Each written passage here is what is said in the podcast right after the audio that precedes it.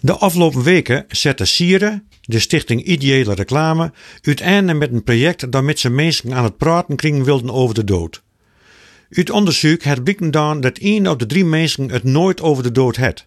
En dat wil het juist heel waardevol is om de samen bij stil te staan, erover te praten en elkaar erbij te helpen.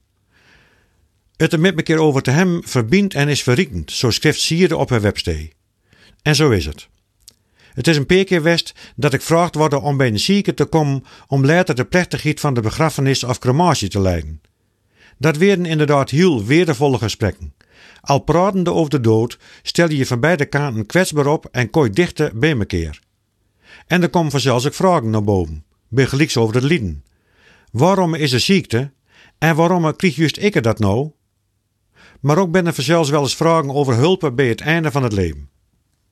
Maandagavond was er een indrukwekkende documentaire op de televisie over twee vrouwen die samen besloten hadden om aan het einde van 2019 toegelijken uit het leven te willen.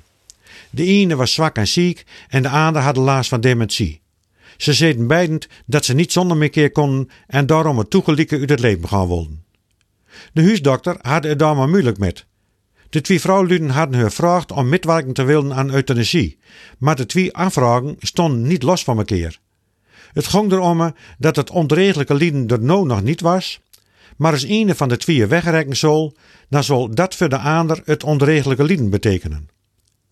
De huisdokter zag het niet zitten en daarom stapten beide vrouwen naar de levenseindelijkliniek. Die deden negen maanden over om te besluiten dat ze wel metwerken wilden. We zagen vrienden langskomen en openlijk met de vrouw lieten praten over het einde. Maar het was ook duidelijk dat ook die vrienden het wel wat te kwaad kregen. Een vriendin zei: Ik stapte na een bezoek aan de beide, haar huis weer uit in de wetenschap dat ik ze niet weer zien zal. Beide vrouwen brachten het laatste bezoek nog even naar buiten. De ene, met er later, bleef bij de voordeuren staan, de andere bracht de vriend tot aan de straten. Die vrienden respecteerden de keuze van beide vrouwen en vonden het heel waardevol om er zo bij betrokken was te wezen. Vanzelfs komt bij met me keer praten over de dood ook de vragen naar boven over wat erna komt. Is er nog wat na de dood? En zo ja, wat dan? En waar? Zien we een keer nog eens weer? Kunnen mensen die dood zijn ons nog horen? Zien zij wat we allemaal nog doen? Vragen daar geen ene een sluitend antwoord op geven kan. Maar het kan al heel bevrijdend wezen om het wel over te hebben. Ook over vragen als: binnen nog les te wensen? Binnen nog bijzondere zaken die de nabestaanden weten moeten? Is alles zegt wat zegt worden mos? En wat vooral belangrijk is, dat is dat mensen aan hun naasten, hun nabestaanden, weten laten hoe ze het afscheid het liefste willen. Begrepen of cremeren. En waar dan? Is er speciale muziek die speeld worden moet? Ben er dierbare gedichten die verdrukken worden kunnen?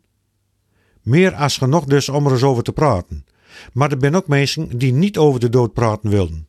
Ze stelden herop als de filosoof Epicurus, die zei: Zolang we er nog binnen, is de dood er niet, en als de dood er is, dan ben wij er niet meer. En betin, wie dan leeft, die dan zorgt. En dat mag dan wel zo wezen, maar het is duidelijk dat elke ene eens een keer zijn leste hemd aankrijgt en dat kan heel oplochten je niet alleen om te pakkerseren over die dood. En de andere kant is er vanzelfs ook. Nou bestaan die er flink met in de mergen zitten als ze niet weten wat de partner of de heid of mem wilt hadden. Het sterke van een campagne van Sieren is dat ze zien laten hoe vaak gereageerd wordt als ene een naaste verloren het. Het wordt vaker afdaan met dooddoeners. Ja jong, maar het leven gaat al verder. Ik weet er precies hoe ze je voelden. Kunnen we het even over wat anders hebben? Och heen jong, condoleer dan maar en tot maandag. Dit soorten van dooddoeners wordt gebruikt om het vooral maar niet over de dood te hebben. Het zal goed bedoeld wezen, maar dooddoeners vergroten vaker het verdriet. De dood, praat erover en er niet over hennen.